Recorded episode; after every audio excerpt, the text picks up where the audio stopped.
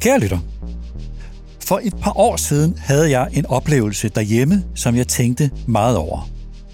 Familiens teenager bestilte en burger, mens han lå i sin seng en lørdag eftermiddag. En halv time senere kom et bud med burgeren, og jeg noterede mig, udover at jeg har en doven søn, at han bestilte burgeren igennem budtjenestens app, uden at have kontakt til restauranten. Budet kom fra budtjenesten Volt, som er en platform, og det var en oplevelse, der gjorde mig nysgerrig. Når kundens relation ikke er til leverandøren, altså til restauranten, men til budtjenesten, hvad betyder det så? Hvad betyder det for almindelige virksomheder? Jeg ved godt, at vi har kendt til platform i en del år efterhånden, men for mange virksomheder er det stadig svært at finde ud af, hvordan skal man forholde sig til dem. Det var det, jeg tænkte den lørdag eftermiddag for to og et halvt år siden, og det slog mig, at jeg kunne se den tendens rigtig mange andre steder i erhvervslivet. Tænk på Amazon, hvor også danske virksomheder sælger deres varer og når ud til en masse kunder, som de ellers ikke kan nå ud til, men hvor de også bliver afhængige af Amazon, og hvor de ikke får data om deres kunder. Tænk på Spotify, hvor musikere nemt kan uploade deres musik på platformen, men hvor Spotify er blevet så dominerende, at den for mange musikere er blevet en helt afgørende adgang til deres fans, og hvor musikerne klager over, at de kun får et meget lille honorar. Og tænk også lokalt her i Danmark, ikke kun på budtjenesterne som Volt, der er mange eksempler. Tænk for eksempel på bogplatformen Mofibo, som først gav adgang til streaming af forlagenes bøger, og da de fik data nok om kunderne, begyndte at udgive bøger selv i konkurrence med forlagene. Traditionelle virksomheder står over for tre udfordringer, når de skal tage stilling til, om de vil samarbejde med en platform. For det første, at platformen tager din kunderelation. Ja, du får adgang til flere kunder, og det er dejligt, men platformen tager dine data, du mister kontakten til dine kunder og bliver en slags underleverandør til platformen. For det andet, at platformen gør det svært at tilbyde et unikt løfte til dine kunder, fordi platformen gerne vil gøre det muligt for kunderne at sammenligne de forskellige tilbud, og så risikerer man at ende i en konkurrence om laveste pris, frem for en høj kvalitet. Og for det tredje, at når platformen får data nok om dine kunder, så begynder platformen at producere selv, som Amazon gør det, og som budtjenesterne gør det, i hvert fald i USA. Og det er ikke noget, jeg finder på, det her. Da jeg havde Vincent Klerk, topchef for AP Møller Mærsk, som gæst her i podcasten i foråret, så talte han også om netop det her. Om platforme. Om udfordringen fra platforme. At selvom de hos Mærsk ejer flere hundrede store skibe, og også terminaler og lagerhaller, så ser de sig selv i en slags kapløb. Et kapløb om at tilbyde deres kunder det, som de hos Mærsk kalder visibilitet, det vil sige gennemsigtighed. Altså at hvis en tech-virksomhed, en platform, kommer først i kapløbet om at blive den, der skaber visibilitet for kunderne, så risikerer Mærsk at miste sin kunderelation.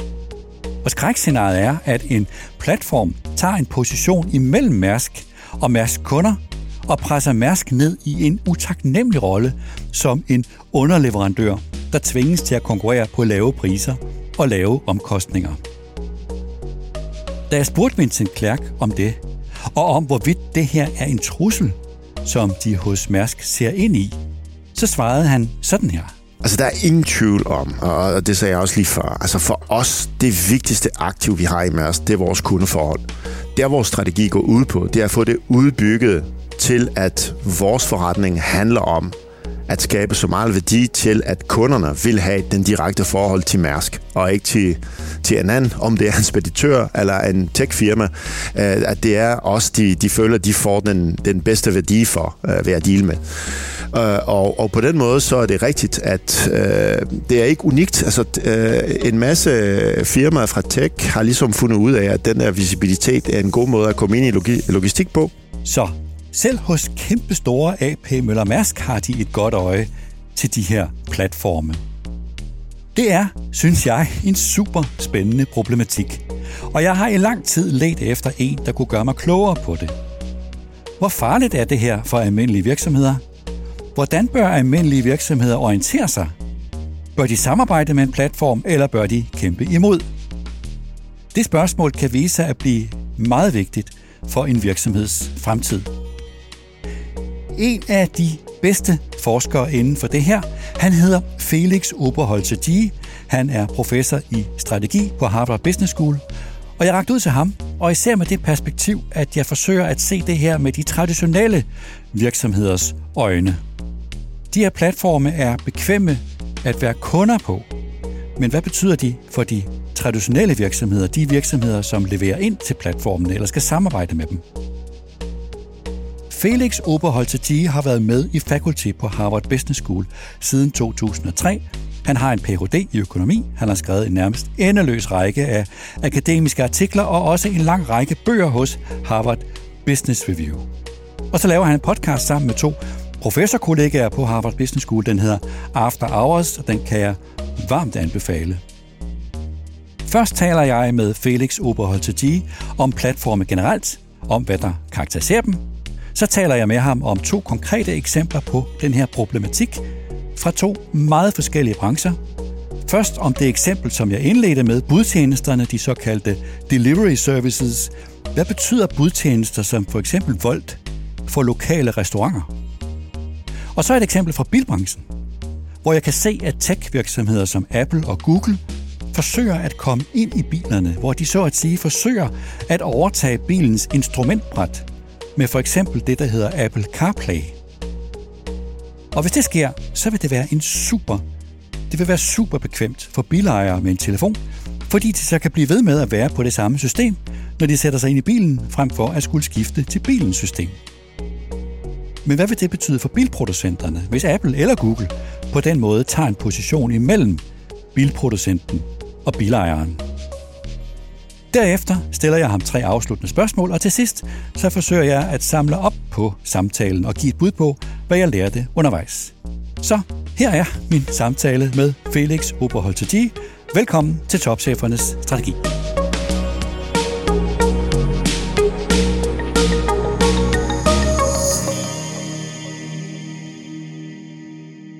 Felix Oberholzer welcome. It's great to be here, Niels. Thank you for the invitation. I'm very grateful to have you in our podcast. And the topic I would like to hear your thoughts on is the platform economy. So first, yes. just to be sure, that's a big topic. yeah, yeah. Uh, just to be sure, can can you elaborate on what is a platform and and how does it work? Yes, maybe the easiest way to think about platforms is that it's sort of like the old-fashioned middleman, except on the internet and the job of the platform is to bring together two different parties.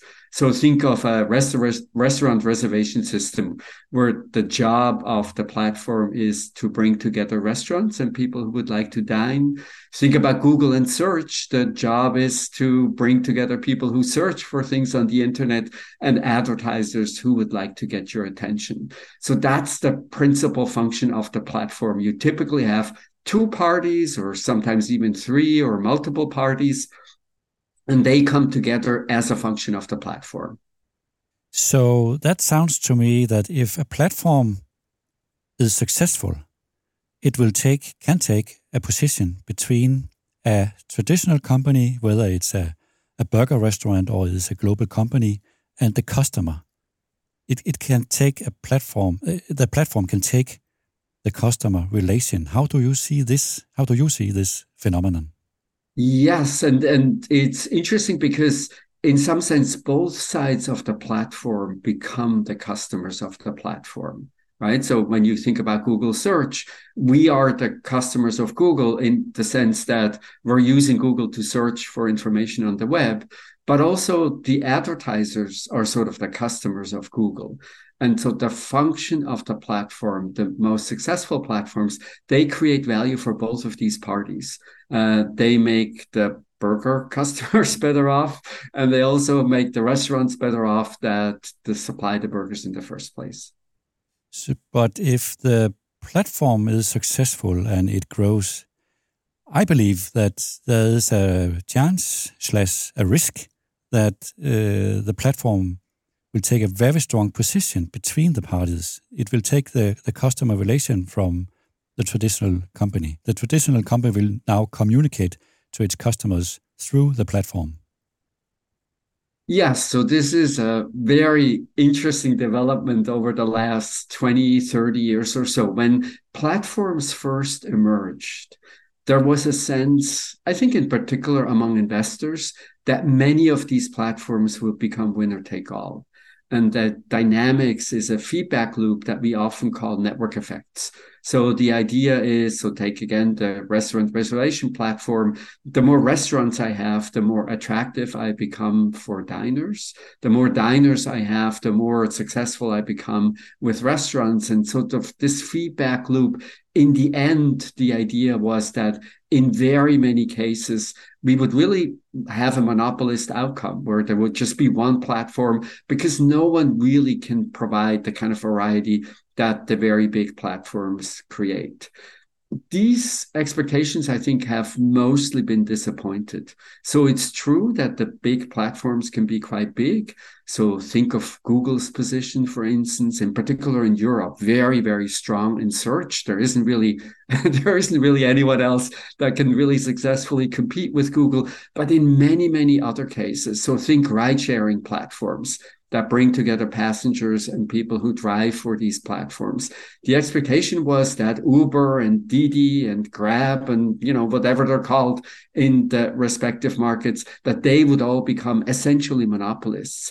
And that expectation has not turned out to be right. So Uber in big part is not really financially successful because it still has to grapple with just one or two competitors that nip at its heels and prevent it from charging much higher prices than the cost of providing the service. So the evidence is quite mixed. Yes, platforms are often a success, successful business models, but the investor expectations that we could pay almost infinite amounts for these platforms because they will have monopoly power. That expectation, I think, has this has been disappointed in many cases.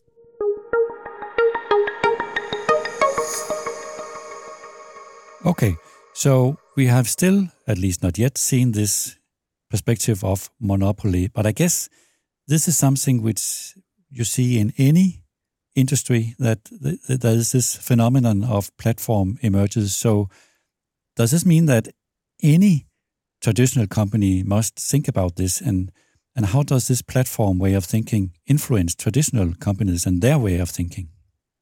Yeah, so it's it's you're exactly right. It's very important for companies to think about when platforms first emerge, how to respond to these platforms, and then also how to manage the relationships. Maybe I'll say two things. The first thing, when platforms first emerge, uh, their value proposition sounds incredibly enticing for any business. So take a restaurant reservation system like OpenTable in the United States.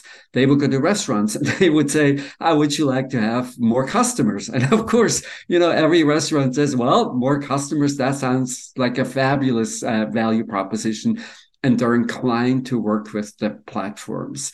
In OpenTable's case, that led to a situation where OpenTable became so strong that the fees that it charged the restaurants ate dramatically into the margins of the restaurant business. So that's the downside.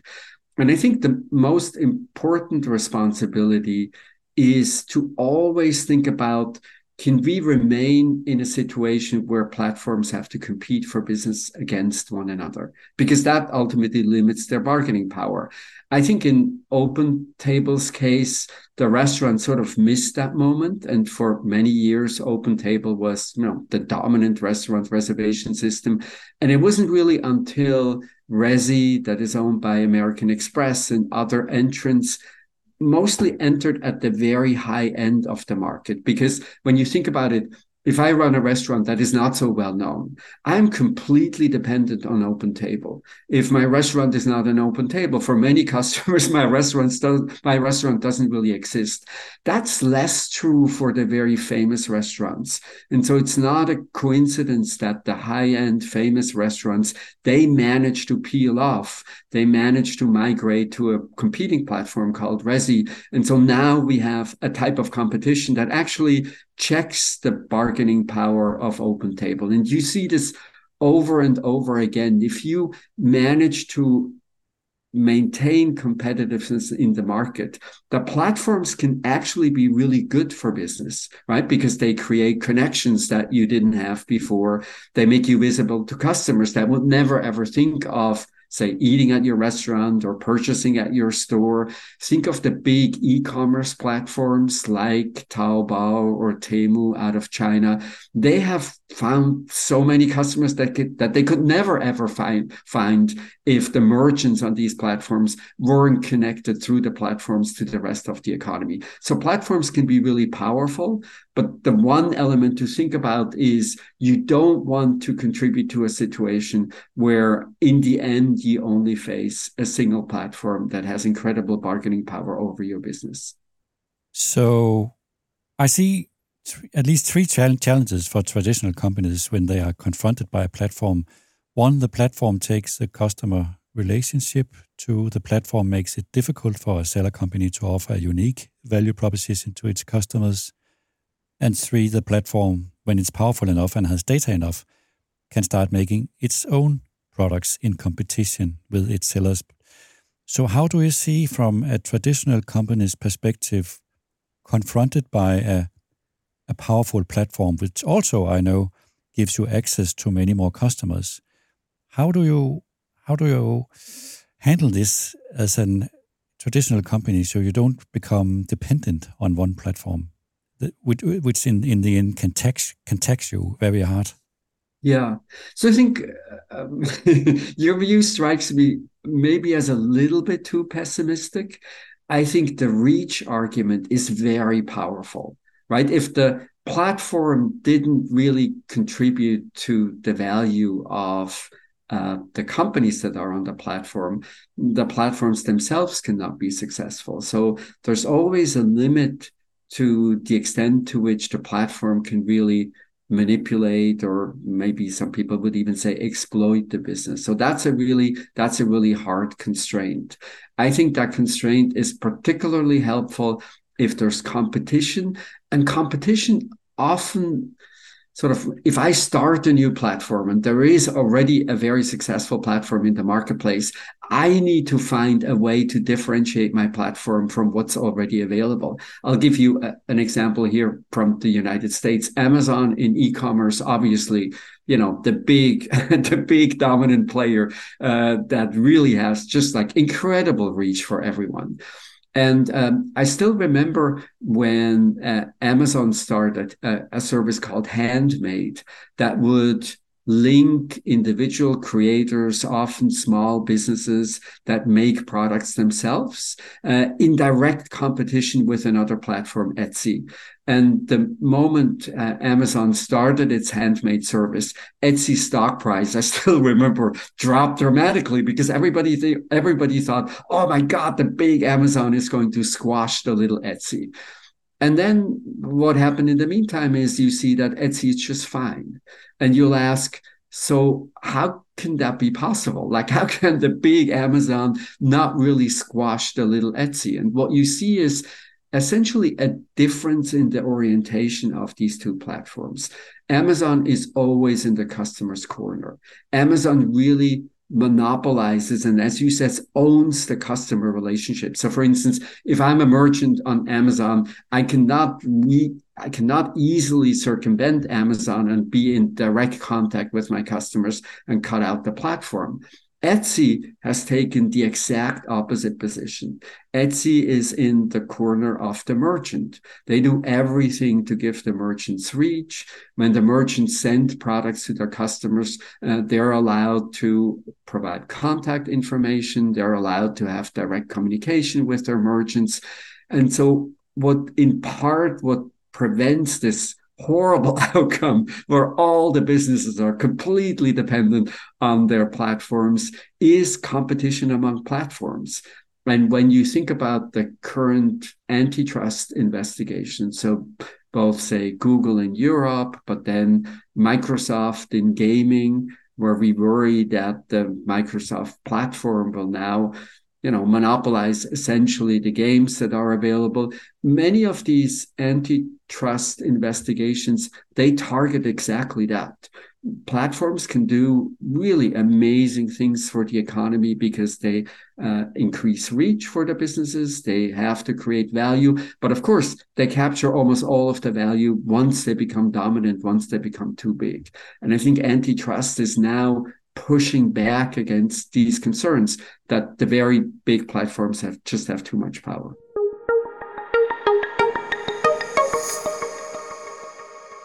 Okay. I would like to take one example, actually two examples. The first one is about delivery service. And mm-hmm. I made an interview in the spring in the podcast with uh, Tony Xu, uh, his CEO at yeah. DoorDash on exactly this yeah. topic, and, uh, and and he, I know I'm very pessimistic, uh, but uh, he he he recognized the perspective, but he strongly denied it, and he, he had three arguments. One, the delivery service can only flourish if its local partners flourish. Second, the delivery service can help the local partner partner in its digital development. And three, hopefully, that's maybe also be your point of view we will have several platforms in the end and not a, mm-hmm. a, a, monopoly. I'm very curious, how do you see this perspective, maybe especially considering delivery service industry? Yes. So, I mean, delivery is completely fascinating. And you might remember how DoorDash started, uh, how they were successful, uh, essentially in connecting restaurants to the internet and to delivery services that never had delivery services. So, in particular, restaurants that were not on the web didn't really have a web presence. All of a sudden, you reach customers in a way that you couldn't reach customers before. And so, I think that's part of Tony Xu's what he's really proud of that is, and I think rightly so, expanding the market for many of these businesses. Now, of course, as always, when companies collaborate with one another, there's sort of the nice side of the story that they create extra value by collaborating in interesting ways and expanding the reach of the business. And then there's the argument around who gets what share of the value that gets created. I mean, that's nothing new in business. It's always been a little bit like this. When you think about the collaboration between Intel and Microsoft, when you think basically any collaboration in business, there's always this tension between, yes, we're so excited to create value with one another. And then, of course, we haggle endlessly around who gets to capture what fraction of the value. And that is definitely true for the DoorDash relationship to restaurants, right? Where now many restaurants complain about the relatively high delivery fees that DoorDash charges. Uh, and the saving grace frankly speaking, is the existence of Uber Eats and other services that now provide delivery services in competition with DoorDash. I would say two things that I think are really important to think about. These network effects, these positive loop, feedback loops, they can sometimes be global in nature and they can sometimes be very local in nature. So, for instance, you know, if say Uber adds additional drivers tomorrow in San Francisco, what's the value created in Boston, where I live? No value created whatsoever. That is the market power that these platforms have is constrained because they have market power only in specific geographies. And you see this beautifully in ride sharing, where depending on the region or the country that we look at, if we look at Southeast Asia, or if we look at uh, Russia, or if we look at Brazil, if we look at the United States, there's always a different winner in all of these markets. Why? Because the network effects are not really global in nature. I don't really benefit from a platform becoming larger in a specific market because I don't happen to be in this market. I think that has sort of two interesting consequences. One is that it's much more likely that the platform dominates a local market But it's also much more likely that across markets, we get different companies who can win in these markets, limiting the overall power of these platforms.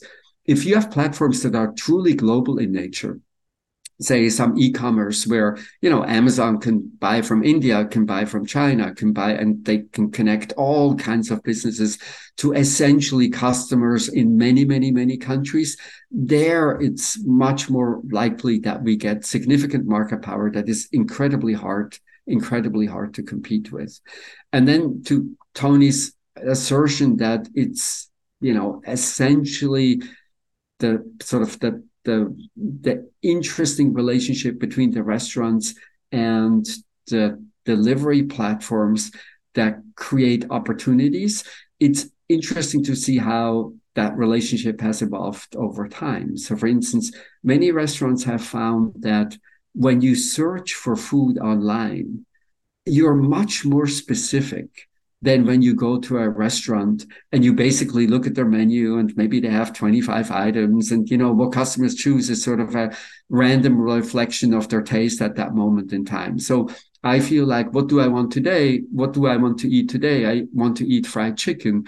And as a result all i'm searching for is fried chicken. That is i don't the the rest of the menu for every restaurant is actually not that relevant for me because I've already decided that I wanted to eat fried chicken. That has led to an interesting fragmentation of menus online, where even though restaurants might be able to serve many, many different dishes, uh, they sometimes create even sub brands for some of their dishes because they know the search behavior of customers in a way reflects not the breadth of their traditional menu, but reflects an interest in a specific type of item. And so what this does is I think it reshapes competition among restaurants in interesting ways. And those who have been responsive and who understand how people search, who understand that, say, delivery workers are not very likely to serve restaurants when they wait. Oh my God, operations are a mess and I might have to wait for a long time until my delivery is ready. So I would say the parameters on which restaurants can and have to compete uh, in view of delivery services, they're changing over time. And it turns out some restaurants are really amazing at that and they've done a great job. And then other restaurants are a little more stuck in their traditional ways. And so they feel the fee pressure from DoorDash in ways that the better restaurants, the more the more agile restaurants don't feel.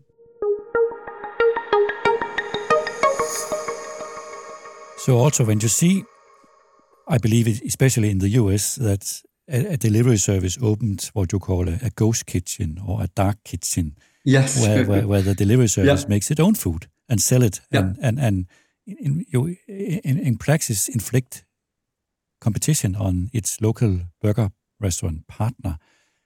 That's just kind of part of a reshaping of competition with winners and losers among the local think, restaurants. That's exactly right. And then also you see sometimes the ghost kitchens are really new operations. You know, they work in very different ways because they only do delivery.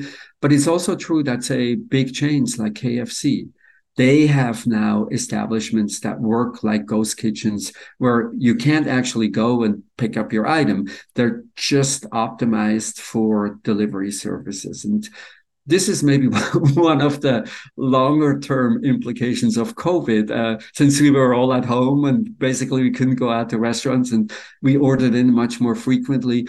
That that kind of restaurant operation that is optimized for delivery um, was basically a response to very unusual circumstances. But now it corresponds to something that people probably will like for a longer period of time. I think I think this delivery service is a, a very interesting uh, industry to to discuss. Uh, it is. Do you see any? How how will it play out? Do you have a, a, a do, do we see how, how how how will this industry play out? Let's let's say in the coming three or five years uh, in this perspective. Do you have a, a guess on that? So we used to be a little more optimistic, a little more enthusiastic about the ghost kitchen concept. So not so clear whether the hypothesized big, say, cost advantages, because if you have a restaurant, you need to be in a highly visible location, and that's typically more expensive. Ghost kitchen can be ghost kitchens can be in warehouses and so on and so on. So I think those advantages are maybe not quite as big as we had expected, and so I think those kitchens will not disappear, but will they take over the restaurant scene? Probably not. I think there's interesting interactions between success in delivery and success as a restaurant, where you now see a subset of customers who use delivery as a way to test restaurants. You know, a, restaurant visit is typically can, can, typically be quite expensive. So I sort of see, you know, whose food do I really like? And, you know, if I'm really excited about the restaurant, I might take my family there at some point in time. So that I think opens up opportunities, say for restaurants that are not so famous, for restaurants that are perhaps new, uh, run by younger chefs that don't have a reputation. Sort of like as a testing market, I think delivery does something does something really interesting.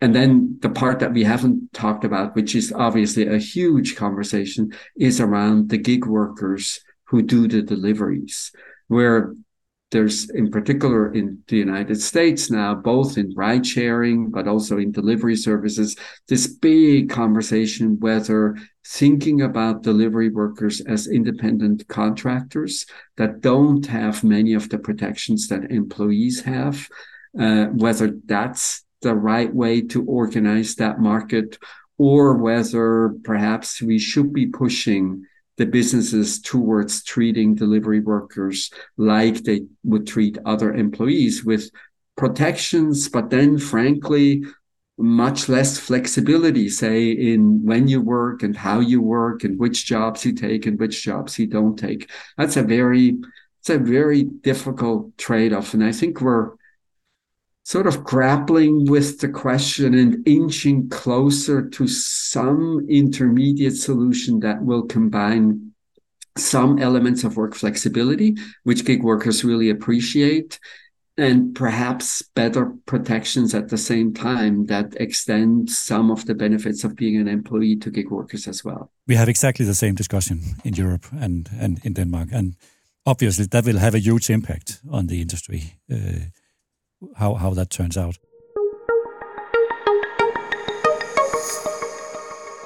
I have an example number two, and that's Apple CarPlay. And I I I need just to, to tell you a short story. uh, uh, okay.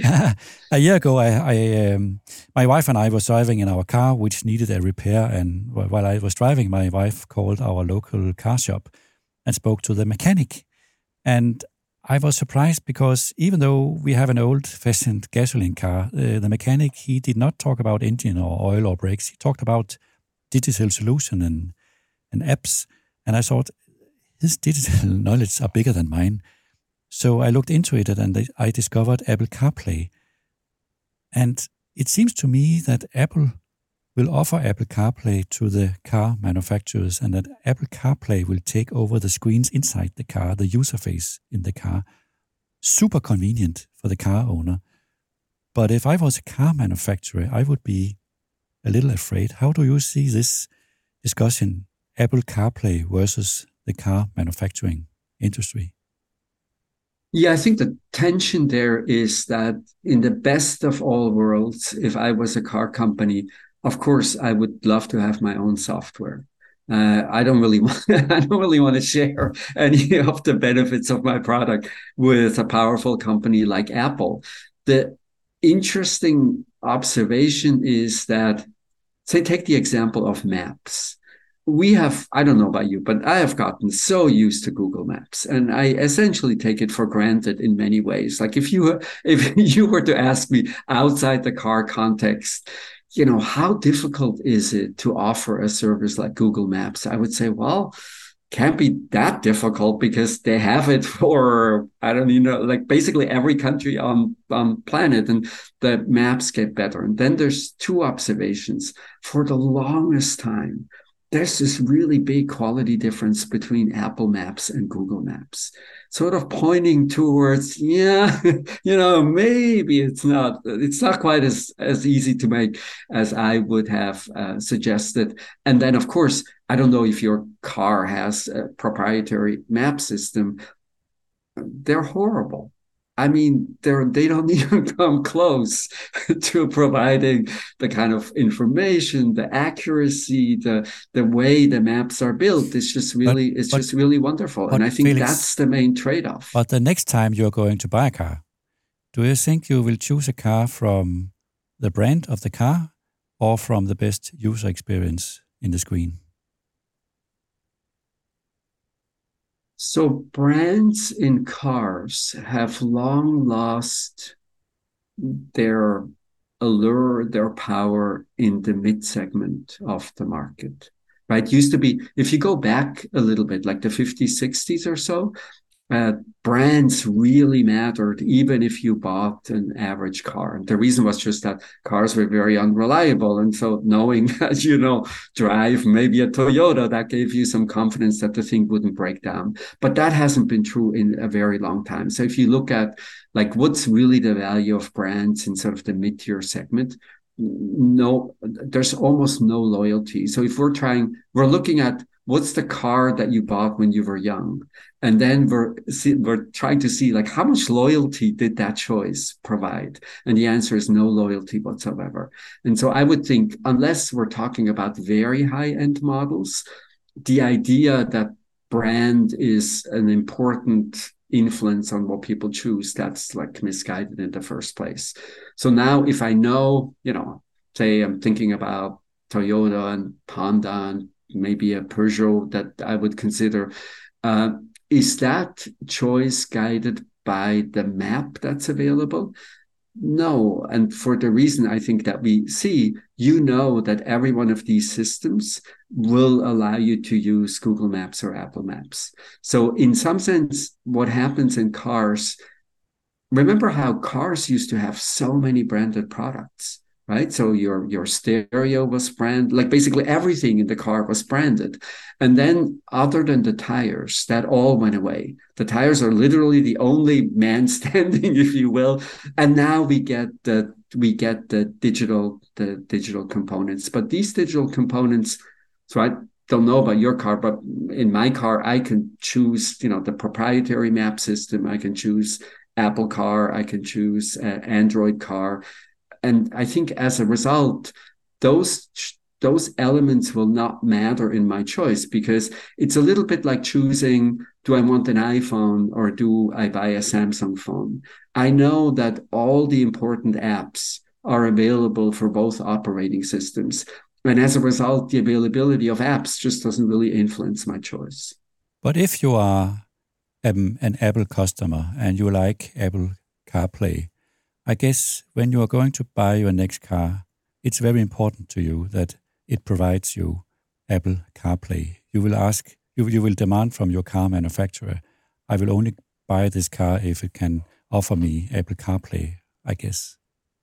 I would be very surprised if that was true. Because it's a, I mean, we'd have to look at the data, but it strikes me, if I had to guess, I would say that's one of these secondary considerations that you only really discover once it's too late. You bought the car and then you think, oh my God, what do you mean Apple Car is not available? Uh, or what do you mean it's really hard to hook it up? And, you know, the, the, I think if you knew that a car doesn't have digital maps at all, that then I could imagine that that's a that that's a big a big difference. But if the if the car manufacturers play it play it smart, they will do I think what's what's mostly true for most models right now that you know just everything is available my own system is available apple is available google android is available and as a result you sort of do away with that being in the consideration set of customers because we just take it for granted that all of these things are available. But do you think that uh, uh, a service provided, for example, from Volkswagen will be able to compete with the service provided from Apple, seen, yeah, from, the, seen from the perspective of the convenience of the customer? Yeah.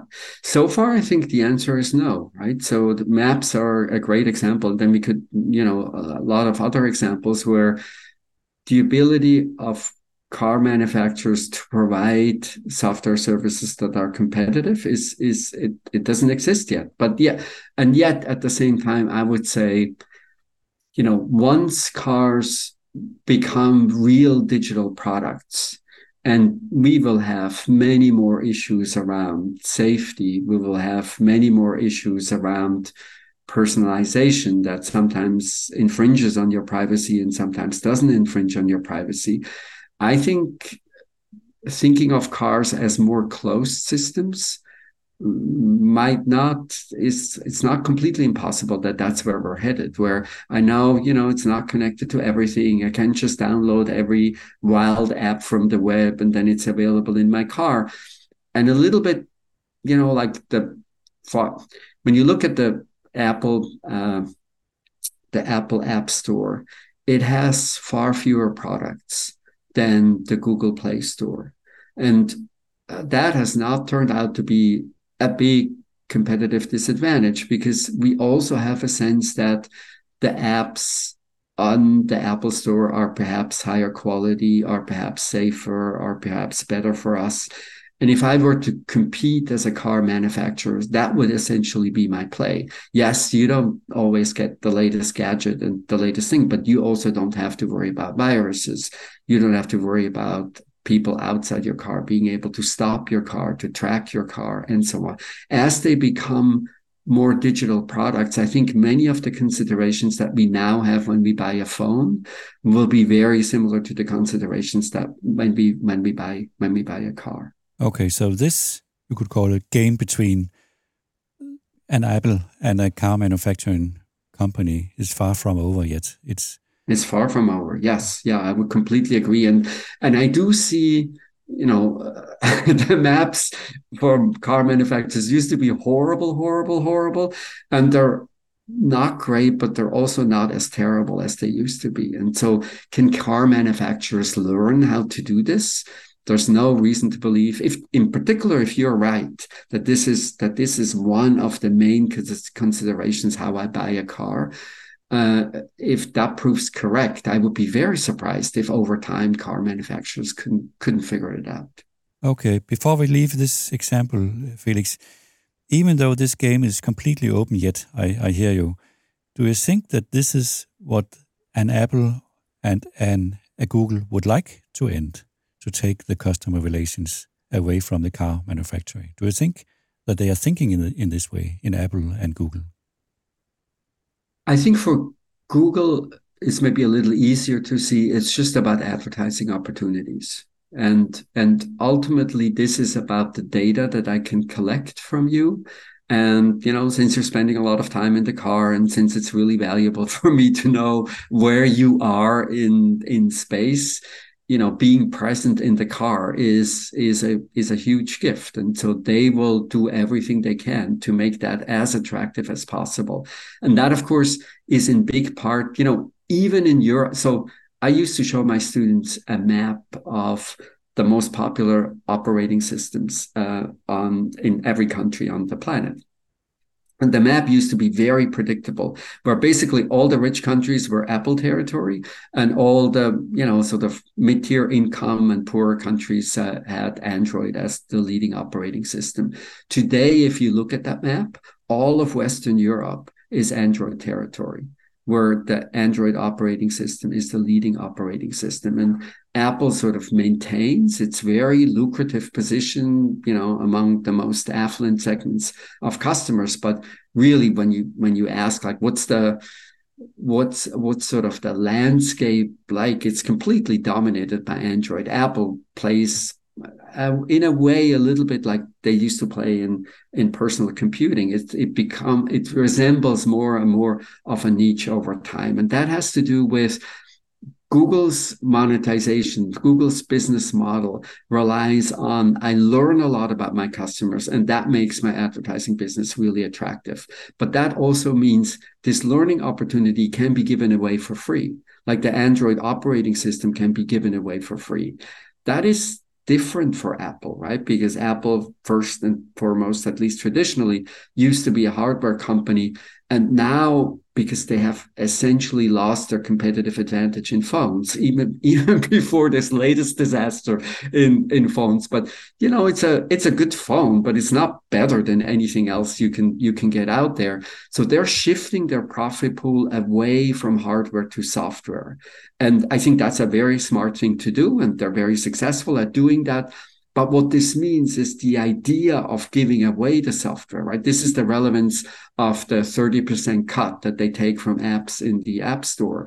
When once you shift the profit pool towards software, in negotiations with the users of software, you now have much less flexibility. This has to be profitable for you because you have morphed from a hardware company to much more being a software company. Google has degrees of flexibility that Apple doesn't have in that world. So I would imagine that influences the prevalence of Google and Apple products in cars exactly along the same lines that we have already seen in phones.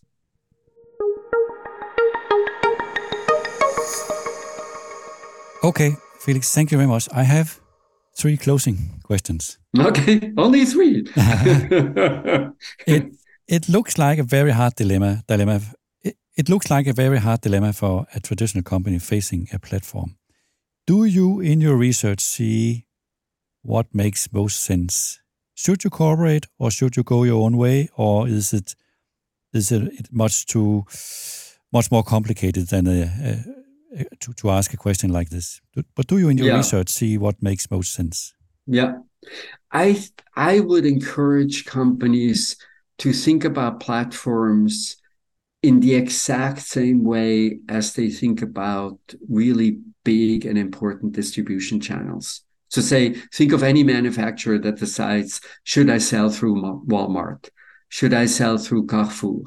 And you know you have exactly the right intuitions. What you really love about it is oh my god if this works out this is like amazing volume.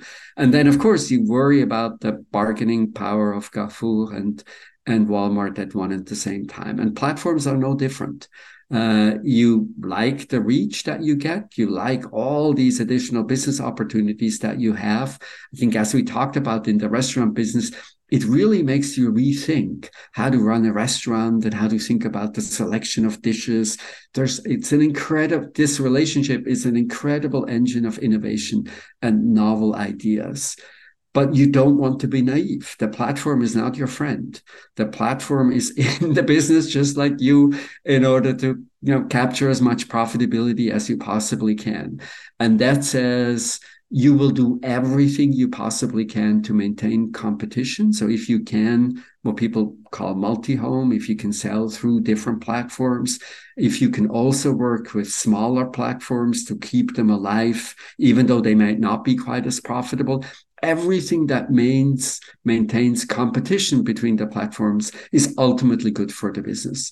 And then, as always, you strike a balance between the size of your business and the margin that you might have to give up in order to be able to grow really quickly. So you would say, yes, you you should uh, cooperate, cooperating with a platform. Yes, that is a good idea, but you must also at the same time rethink your business, your innovation. You must be very much aware about your competitive advantages and so on. yes. Then then it absolutely it would be sensible. And yeah, and maintain the core, right? So even if you mostly sell through e-commerce platform, make it easy for customers to find, you know, the products directly to buy from you. I think hotels have done a pretty good job at this. How you know, seeing that most of the business had migrated to the travel websites, the aggregators, and then of course with the not so nice consequences for the profitability of hotels. And I think they're doing a much better job now, giving me incentives to book direct, giving airlines, I think it's the same story where they have gotten much, much better enticing their customers, keeping that direct relationship with their customers and enticing their customers to book direct. And I think that that maintains true across all of these platforms. The second question is the platforms look strong to me, but they also face challenges. You mentioned that actually we haven't seen much of monopoly, and we also see uh, political regulation and we see competition among platforms. So, is it possible that that the power of platform simply is overestimated? I think it was definitely true for the early days, right? When you looked at how investors threw capital at a company like Uber, that was um, a misguided notion that this business will be winner take all and that it could be incredibly profitable and attractive to invest in Uber, which has not really proven correct over at least the last decade or so. So in that sense, yes, we we understand that the platform business is a tough business and it remains competitive at one and the same time. I think the regulation that is careful about not letting platforms misuse their power. Uh, that is really smart regulation. So think about all the self-dealing issues that can arise in the context of platforms. Uh, in particular, the EU, I think, does a really does a really ter- uh, does a really terrific job at at uh, trying to rein in the platforms where they're not good. Where the attempt is to say, oh, let's go back to a world where platforms don't play much of a role or don't exist at all. So think of ride sharing that is sometimes you know illegal in some countries that's completely ridiculous. I mean these platforms they provide incredible value uh, to the economy and to consumers and it would be a big mistake not to not to let them flourish but we want to let them flourish in a market that remains competitive. My my last question is that this discussion is almost absent in the danish business life and I cannot find out why. Maybe maybe it's me who is too much focused on this, but if I'm if I'm right, why do I think that this topic is not very high on the agenda? So one reason might be that many of the leading platforms are not European platforms, right? You you see that a lot of US platforms, in particular, many Chinese platforms have expanded globally simply because European entrepreneurs were slow to grasp the idea. And as a result, you know, building a platform once the big platform has been established in the market is just super, super hard. So say if you and if you and I were tomorrow, you know, we had like incredible financial backers and we would try to start a new search company to compete with Google. Oh my God, I think that would be not a wise investment for anyone to make. And you know, the moment the moment it's foreign companies, it strikes me now two interesting things happen it's really hard for Europeans to get into the business. And I think that's also true for, for Denmark and Danish businesses. But it's also true that the EU in particular now has a degree of flexibility in thinking about what is the best way to regulate these platforms. It's a flexibility that US regulators don't have because, of course, the companies are now local and you know they have the political connections and they have the leverage uh, over the political process that then makes it hard to think about the best way to regulate these businesses. So, so Europe has fallen behind. Unfortunately, it is now, I think, a leading force, and you've seen this a little bit in uh, when GDPR came out and questions of privacy, where now Europe becomes almost the global regulator because if the rules are really smart rules, they get exported to the rest of the world. And so we have this interesting situation where the American and the Chinese economy, they export their platforms and the EU then exports smart rules around regulation and how these platforms can be kept in check. Felix Oberholzer Thank you very much for your time. Uh, my pleasure. It was really great to be with you. Thank you.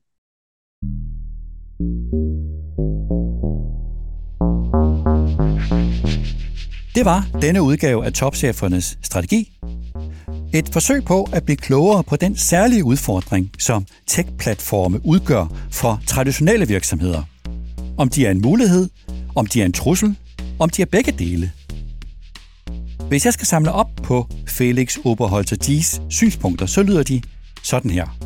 Indledningsvis så sagde han, ja, der var tidligere en forventning om, at platformene ville være en slags winner takes all i de enkelte brancher, at de såkaldte netværkseffekter naturligt ville føre til, at en stærk platform udviklede sig til at blive et monopol.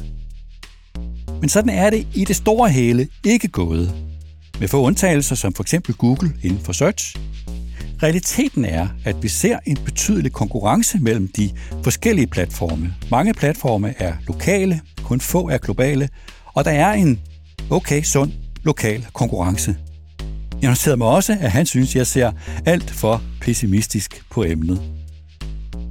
Om budtjenesterne sagde han, ja, der er ofte en uenighed mellem en budtjeneste og en restaurant, for eksempel når restauranten er utilfreds med det gebyr, som platformen kræver. Men den uenighed er kun naturlig, når man skal dele en værdiskabelse, og den uenighed har jo altid været der mellem private virksomheder, der arbejder sammen. Felix Oberholzer ser det sådan, at budtjenesterne har skabt en ny dynamik, at de har fornyet den lokale konkurrence imellem restauranter, og også at der er stor forskel på, hvor godt restauranterne har klaret den nye udfordring. Om Apple CarPlay, der afviste han mit pessimistiske synspunkt om, at bilproducenterne risikerer, at en Apple eller en Google vil tage magten. Han forventer, at bilproducenterne vil tilbyde alle typer løsninger til deres kunder, og at de vil satse på at udvikle deres eget system. Og ja, kvaliteten er ikke høj nok nu, men det kan den blive. Og hvem ved, måske kan bilproducenterne få en konkurrencefordel længere ned ad vejen, for eksempel når det gælder beskyttelse af data og sikkerhed. Spillet er i hvert fald langt fra afgjort endnu. Og til mine sidste tre spørgsmål, der svarede han, at for det første, når man skal overveje at samarbejde med en platform, så tænk, ligesom du i forvejen tænker på en vigtig distributionskanal. Du skal selvfølgelig være opmærksom på platformens magt. Du må ikke være naiv. Forsøg at sælge gennem flere platforme, også for at bidrage til konkurrencen mellem platformene. Sørg for, at kunder stadig kan købe direkte hos dig, som for eksempel hoteller er lykkedes med. Udnyt platformen til at udvikle din forretning. At for det andet, ja, vi har haft en tendens til at overvurdere platformene, især tidligere. Og det er i øvrigt umuligt at forestille sig en verden, hvor platforme spiller en mindre rolle, fordi de skaber en masse værdi. Og for det tredje, at selvfølgelig skal platformene reguleres, og den regulering, som vi forsøger at foretage her i Europa, det er absolut en fornuftig måde at gøre det på. Så, til allersidst. Han ser grundlæggende positivt på platformene. En platform tilbyder en stor fordel i form af adgang til nye kunder, men platformen er ikke din ven. Den forfølger sin egen interesse, især når eller hvis den bliver stor og stærk. Derfor er det vigtigt, at man som traditionel virksomhed tænker igennem, hvordan man vil forholde sig. Og det kræver, at traditionelle virksomheder gentænker deres forretning, at de satser på at bruge platformen til at forbedre sin innovation, og at man får en dybere forståelse af sine kunder. Tak til Felix Oberholzer G. Tak til Claus Mosbæk fra Dawn-netværket, som satte mig i forbindelse med Felix Oberholzer G. Tak til Peter Emil Witt, der redigerede optagelsen, og tak til dig, der lyttede med. Thank you